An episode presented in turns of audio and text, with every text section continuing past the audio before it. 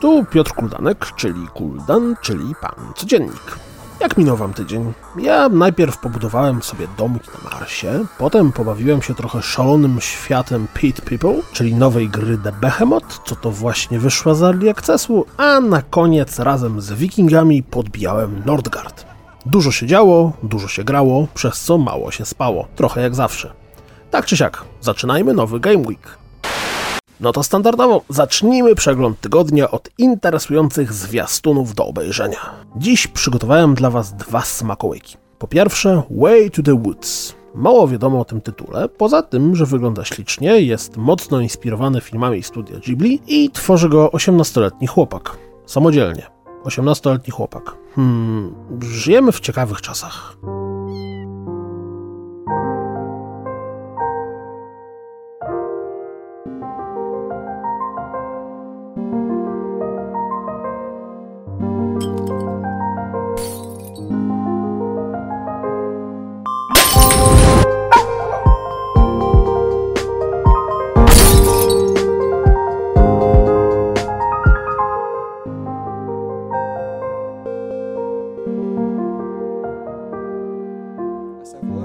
Drugim, warty uwagi zwiastunem, jest filmik pokazujący niektóre gameplayowe założenia The Council. Tytuł wydaje mi się interesujący, bo może wprowadzić trochę świeżego powietrza do gatunku gier narracyjnych w stylu tytułów od Telltale. Chociażby dlatego, że oprócz klasycznej filmowości, podejmowania decyzji czy sporej ilości dialogów, będziemy mieli również RPGowy rdzeń z rozwojem umiejętności postaci, dzięki któremu otrzymamy inne możliwości podejmowania tychże kluczowych decyzji. Wygląda interesująco,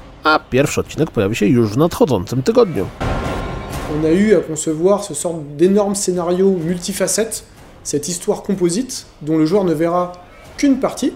Le jeu ne contient pas de game over, pas de quick save, quick load, le jeu continue. Tous les choix ont des conséquences que le joueur devra assumer jusqu'à la fin.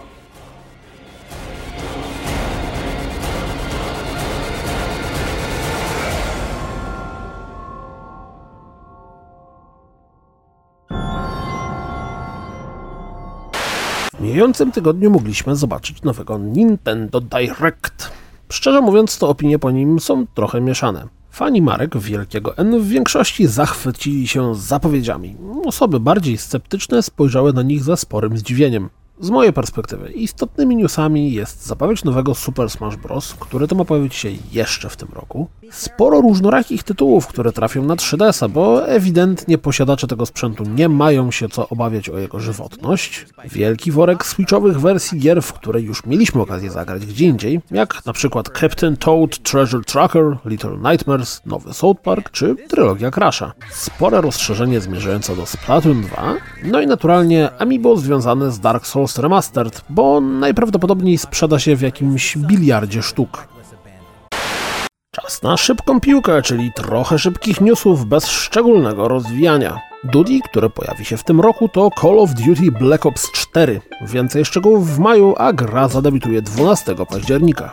W The Swords of Ditto zagramy 24 kwietnia. Monster Hunter World wysłał do sklepów 2,5 miliona kopii, co oznacza, że jest to na ten moment najlepiej sprzedająca się marka Capcomu, przebija Resident Evil czy Street Fightera. State of Decay 2 zadebiutuje 22 maja.